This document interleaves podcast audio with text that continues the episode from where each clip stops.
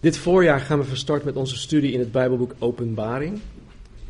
En alhoewel het in sommige Bijbels staat Openbaring van Johannes, is het officieel de Openbaring van Jezus Christus. En uh, ja, persoonlijk heb ik er ontzettend veel zin in. Afgelopen woensdag, toen uh, zei een van de mensen op de Bijbelstudie nog van, joh, laten we Timotheus gewoon overslaan, laten we, laten we zondag alvast beginnen. Um, ja. ik vind het fijn om dat te horen, dat, uh, dat de mensen zo enthousiast zijn. Maar uh, nee, we moeten dit nog eerst afmaken. En dan, ja, eigenlijk ligt het aan mij hoor, want ik moet me daar nog in goed voorbereiden, of daarop goed voorbereiden. Maar goed, we gaan in het voorjaar van start. Tot die tijd zijn we bezig met 1 Timotheus, 2 Timotheus. Dat zijn de pastorale brieven zoals die genoemd worden. Titus hoort daar ook bij. En momenteel zitten we in uh, 1 Timotheus hoofdstuk 4. Twee weken geleden is Ralf Seil geëindigd met vers 10. En uh, dus vanmorgen pakken wij het gewoon op bij vers 11. En dan maken wij hoofdstuk 4 af. Ik denk dat Casper voor volgende week verder gaat met hoofdstuk 5. Um, maar goed, vanmorgen hoofdstuk 4, vers, vers 11. En deze brieven, 1 en 2 Timotheus en Titus, die worden de pastorale brieven genoemd. Dat kwam pas ergens in de 18e eeuw trouwens, maar ze worden de pastorale brieven genoemd, omdat ze in het bijzonder gericht zijn aan Timotheus en aan Titus, om hun, om hun in hun taak als voorganger van hun, hun kerken uh, aan te sporen, om hun te instrueren, om hun um, ja, te bemoedigen in hun taak. En nu is het wel zo dat veel van wat de Bijbel ons in deze brieven leert, niet alleen voor voorgangers van belang is, maar het is voor iedereen re relevant. Het is voor ons allemaal en dat zullen we vandaag ook gaan zien. Denk dus niet dat het alleen voor mij is. Uh, het Centrum voor Bijbelonderzoek schrijft dit over 1 Timotheus in een hele korte inleiding. Ik citeer. De oudere en ervaren apostel Paulus schrijft aan de jonge voorganger Timotheus, die belast is met een zware en verantwoordelijke taak in de gemeente van Efeze. Het is uitdagend werk. Het uitroeien van de dwaalleer, het in stand houden van de eredienst en het vormen van bekwame leiders. Behalve over het gedrag van de gemeente spreekt Paulus met nadruk over de levenswijze van de voorganger. Timotheus moet ervoor oppassen dat zijn jeugdigheid geen nadeel wordt voor het evangelie, maar juist een voordeel. Hij moet zorgvuldig valse leraren en hebzuchtige motieven uit de weg gaan en in plaats daarvan gerechtigheid, godsvrucht, geloof, liefde, volharding en zachtmoedigheid najagen, wat past bij een man gods. Einde citaat. De voorganger is eindverantwoordelijk voor deze zaken. Hij is de eindverantwoordelijke voor deze zaken. Maar uiteindelijk horen wij dit allemaal samen te doen. Uh, degene die de Biblical Counseling op dit moment uh, volgen, uh, moeten, hebben een opdracht gekregen om een boek te lezen en daarover een, ook een, een, een, papier te schrijven, een, een, een, essay. En dat heet, um, um, even kijken hoor, Instruments in the Redeemer's Hands. Het is instrumenten in de handen van de redder, de verlosser. People in need helping people in need. Dus mensen die, die hulp nodig hebben, helpen mensen die hulp nodig hebben. En een van de dingen die daar bij mij uitsprong, was, was maar, was zijn maar vier woordjes. Um, uh, nu, kan ik, kom ik er even niet op. Um, maar waar het op neerkomt is dat ieder persoon als christen zijnde hoort daaraan mee te doen. Met andere woorden, als ik jullie nu even hè, een, een, vraag stel van wie van jullie uh, zit, in de, zit fulltime in de bediening? Ja, dan zouden jullie denken, ja, nou ik heb een fulltime baan, dus ik niet. Maar op het moment dat je christen bent of wordt, zit je, in de fulltime, zit je fulltime in de bediening. En daarin moet een hele uh, verschuiving in ons denken gaan plaatsvinden. Dat, um, dat de kerk niet is een, een evenement is waar je naartoe gaat op de zondagochtend maar dat je eigenlijk deelnemer bent, dat je uh, een, een, actief uh, deelnemer bent in het kerk zijn. En dat is toch even iets anders dan dat je naar de kerk toe gaat. Maar goed, wij zijn er allemaal voor verantwoordelijk. We, horen dit allemaal samen te doen. En vandaar dat het ook voor in ieder geval jullie relevant is. Nou, vanmorgen pakken we het op in hoofdstuk 4, vers 11. Maar dat, dat valt midden in ja, een, een hoop zinnetjes van Paulus. Dus ik, ik wil toch even uh, hoofdstuk 4 uh, lezen. Het is, geen, het is geen lang hoofdstuk. Dus laten we beginnen met, gewoon, uh, met vers 1 van 1 Timotheus hoofdstuk 4. Ik lees voor. Maar de geest zegt uitdrukkelijk dat in latere tijden sommigen afvallig zullen worden van het geloof en zich zullen wenden tot misleidende geesten en leringen van demonen, door huichelarij van leugenaars, die hun eigen geweten als met een brandijzer hebben toegeschroeid. Zij verbieden te trouwen en gebieden zich te onthouden van voedsel dat God geschapen heeft voor de gelovigen en voor hen die de waarheid hebben leren kennen, om onder dankzegging aanvaard te worden. Want alles wat God geschapen heeft is goed en niets is verwerpelijk, wanneer het onder dankzegging aanvaard wordt. Want het wordt geheiligd door het woord van God en door het gebed. Dus misschien heb je ooit gedacht van, joh, waarom bidden we eigenlijk voor het eten? Nou, het wordt geheiligd door het woord en door gebed. Als u de broeders deze dingen voorhoudt, zult u goed dienaar van Jezus Christus zijn. Gevoed door de woorden van het geloof en door de goede leer die u nagevolgd hebt. Maar verwerp de onheilige en onzinnige verzinsels en oefen u zelf in de godsvrucht. Want de oefening van het lichaam is van weinig nut, maar de godsvrucht is nuttig voor alle dingen, omdat zij de belofte van het tegenwoordige en van, de toekomende, en van het toekomende leven heeft. Dit is een betrouwbaar woord en alle aanneming waard. Want daarvoor spannen wij ons ook in en worden wij gesmaad, omdat wij onze hoop gevestigd hebben op de levende God, die een behouder is van alle mensen, in het bijzonder van de gelovigen. Beveel deze dingen en onderwijs ze. Laat niemand u minachten vanwege uw jeugdige leeftijd, maar wees een voorbeeld voor de gelovigen in woord, in wandel, in liefde, in geest, in geloof en in reinheid. Blijf bezig met het voorlezen, met het vermanen, met het onderwijzen totdat ik kom.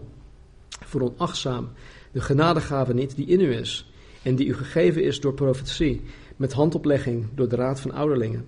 Overdenk deze dingen, leef erin, opdat uw vorderingen op elk gebied openbaar worden. Geef acht op uzelf en op de leer, volhard daarin. Want wanneer u dat doet, zult u zowel uzelf behouden als hen die u horen. Hemelse Vader, ik bid voor u, uw kennis en uw wijsheid, Heer, in dit woord. Dat uw Heilige Geest ons duidelijk zal maken, Heer, wat u precies bedoelt. En wat voor een ieder van ons, onafhankelijk van elkaar, Heer, wat, wat er van ons uh, voor, uh, van toepassing is. Help ons uw woord vanmorgen te snappen. Help ons vanmorgen uw woord in ons leven toe te passen. Dank u wel. Amen. Nou, in hoofdstuk 4 gaat Paulus vooral in op de dwaalleer. En, en daar geeft hij ook instructies aan Timotheus hoe hij deze dwaalleer het beste tegen kan gaan. In vers 5, 1 tot 5 omschrijft Paulus één onderdeel van de dwaalleer. Dat is maar één onderdeel van. En hij noemt het de leringen van demonen. Hij noemt het doctrine van demonen. Dus valse leer, al, al is het maar 1% vals, is het vals. En Paulus zegt hier dat het afkomstig is van demonen. In vers 6 tot 10 instrueert Paulus Timotheus in hoe hij de valse leer tegen moet gaan. En hij doet dat door de goede, de gezonde leer te blijven bestuderen en te blijven onderwijzen. En in het laatste gedeelte wat we vanmorgen gaan zien, uh, vers 11 tot 16, geeft Paulus Timotheus zeven concrete dingen. Uh, ja, zeven, zeven concrete dingen die, die Timotheus moet blijven doen. En je, je gaat het vaker horen, blijven doen. Hij moet het blijven doen. Dit zijn dus zeven dingen die hij moet blijven doen om een goede dienaar van Jezus Christus te zijn, zoals hier staat in vers 6. Als u de broeders deze dingen voorhoudt, zult u een goede dienaar van Jezus Christus zijn. Nou, vers 11. Beveel deze dingen en onderwijs ze. Dit is echt zo'n typische ja, zin van Paulus naar Timotheus toe. Timotheus was geen dominante kerel. Hij, was niet assertief. Als hij vandaag de dag in de gemeente zou staan, dan zou je zelfs denken van, joh, is hij de voorganger? Hij is zo timide, hij is zo terughoudend en hij, hij, is, hij is mensenschuw. Volgens 1 Timotheus 1 vers 3 moest Paulus hem ertoe dwingen. Hij moest hem ertoe dwingen om als voorganger in de kerk in Efeze te blijven. Hij moest hem ertoe dwingen om te blijven. Dit geeft dus aan dat, dat, dat Timotheus weg wilde. Hij wilde gewoon weg, hij wilde naar huis. Hij was er helemaal klaar mee. Hij had het daar moeilijk als jonge voorganger. En hij wilde daar gewoon niet blijven. Waarom? Omdat de mensen in die kerk het hem moeilijk maakten. De mensen in de kerk maakten het hem moeilijk.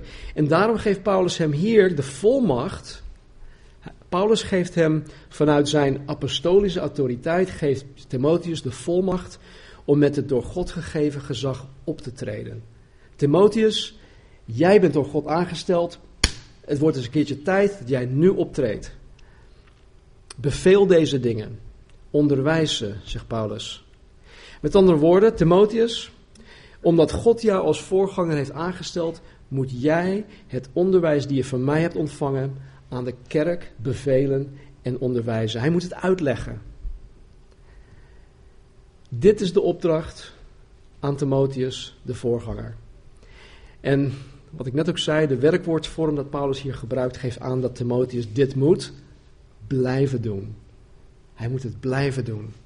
Het is niet alleen de eerste paar jaar dat hij het doet en dan gaat hij programma's verzinnen. Nee, hij moet het blijven doen. Tot, tot zijn laatste adem hier op aarde moet hij dit blijven doen. Hij moet hierin volharden, koste wat kost.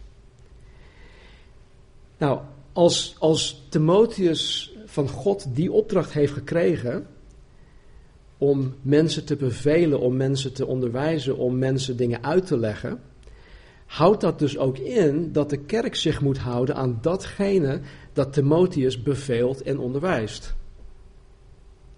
Toch? Dus het is niet alleen van toepassing op Timotheus. Nee, dit is ook een hele krachtige boodschap naar de kerk in Efeze toe en ook naar ons toe. Je moet onderwijzen, oké, maar die mensen moeten gewoon luisteren. Dat zegt Paulus tegen Timotheus. Luister naar wat Timotheus zegt. Dus door enerzijds Timotheus de voorganger de volmacht en het gezag te geven om, om deze zaken te bevelen en te onderwijzen, geeft Paulus anderzijds de verantwoordelijkheid aan de kerk om Timotheus in deze dingen te gaan gehoorzamen. En dit is nou eenmaal de orde dat God in zijn kerk heeft aangesteld in zijn gemeente wereldwijd, in de plaatselijke kerk. En als het hierop wringt, wringt dan, loopt, dan loopt het gewoon vast. Dan loopt het vast. Laat niemand u minachten, vers 12, vanwege uw jeugdige leeftijd, maar wees een voorbeeld voor de, voor de gelovigen in woord, in wandel, in liefde, in geest, in geloof en in reinheid. Weet je, Paulus die was zelf nog niet eens zo'n oude man. Op het moment van schrijven was hij ergens tussen de 55 en 60 jaar oud. In zijn brief aan Filemon, dat werd een paar jaar voor deze brief geschreven, schrijft Paulus in vers 9 dat hij een oude man is. Hij noemt zichzelf gewoon een oude man hè? en dan is hij gewoon een mid-vijftiger. Dat betekent dus dat, dat, dat Peter ook een oude man is. en, en dat ik dus ook bijna een oude man ben. en Timotheus was op het moment van schrijven een, een, een dertiger. Kan zijn dat hij zo rond een jaar of 35 was. Toen Jezus zijn discipelen riep in de evangeliën om hem na te volgen. En dat zie je in Johannes, dat zie je in de andere evangeliën. Op het moment dat Jezus zijn discipelen riep om, om bij hem te komen, om hem na te volgen, waren het merendeel van de twaalf nog steeds tieners. Het waren gewoon tien, tieners, ja, teenagers. Ik denk dat wanneer ze op gang, op gang kwamen, was, was Peters de enige waarschijnlijk die al 20 plus was. Maar het merendeel waren tieners. Nou, ik geef dit aan omdat ondanks de tradities van mensen, ondanks de vooroordelen en voorkeuren van mensen, blijkt leeftijd ehm, geen issue te zijn bij God. Leeftijd is voor God geen issue. Kijk maar, hij, hij, hij riep koning David, die was ook een tiener. toen hij hem als koning aanstelde over Israël. Het duurde even voordat, hij, voordat de mensen hem uiteindelijk hadden gezien als koning. Maar God zag hem als, als, God zag hem als, koning. Als 13, 14-jarige jongen. Dus leeftijd is bij God geen issue. Helaas blijkt leeftijd wel een rol te spelen bij mensen.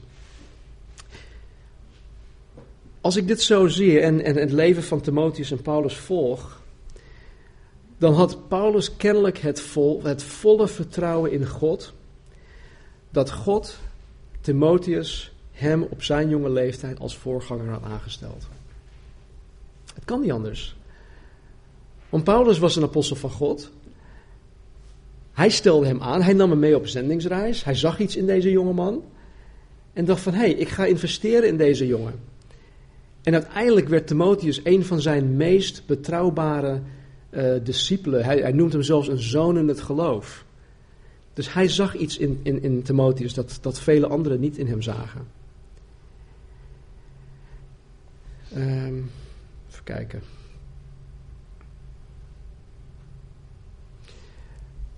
Maar Paulus was ook geen. Um, hij was ook niet dom. Laat ik het zo zeggen. Paulus was ervan bewust dat niet alle mensen hetzelfde vertrouwen hadden of hebben in het feit dat God Timotheus had aangesteld. En omdat hij ervan bewust was, moest Paulus Timotheus dus aansporen om zichzelf niet te laten minachten vanwege zijn leeftijd. dat zijn leeftijd juist een, een, een, een plus moest zijn en niet dat het hem tegen zou werken. En de manier waarop Timotheus alle laat ik het even zeurende mensen noemen in de kerk, de mond kon snoeren, was door een goed voorbeeld te zijn voor de gelovigen. En dat zegt hij ook hier. En hij moest een goed voorbeeld zijn in woord. En dat wil zeggen, in zijn spraak. Hij moest een goed voorbeeld zijn voor mensen in wat uit zijn mond kwam. In Efeze geeft Paulus ons een aantal voorbeelden van wat er wel en niet uit onze monden hoort te komen. In Efeze 4, vers 25 staat dit. Leg daarom de leugen af en spreek de waarheid. Ieder tegen zijn naaste. Wij zijn immers leden van elkaar. Dus leg de leugen af en spreek de waarheid. Dat hoort uit onze monden te komen. Vooral als voorganger moest Timotheus koste wat kost de waarheid spreken. Er, er, is in het leven van de wedergeboren, de geestvervulde christen, absoluut geen ruimte voor het spreken van leugens. En ik weet dat wanneer wij uh, pas tot geloof zijn gekomen, dat, dat er nog heel veel werk in ons gedaan moet worden.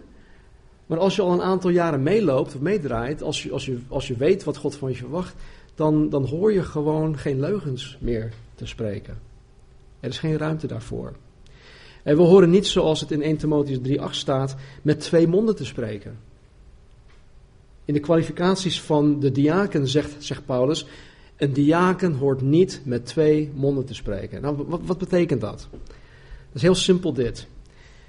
Hij of zij, hij hoort niet, of wij horen niet, over dezelfde zaak tegen één persoon A te zeggen en over precies dezelfde zaak tegen deze persoon B te zeggen. Niet uit twee monden spreken. Even verder in Efeze 4:26 zegt Paulus: Word boos, maar zondig niet. Wat doen mensen vaak wanneer ze boos worden? Wat doe ik, hè, wat doe ik als ik boos word?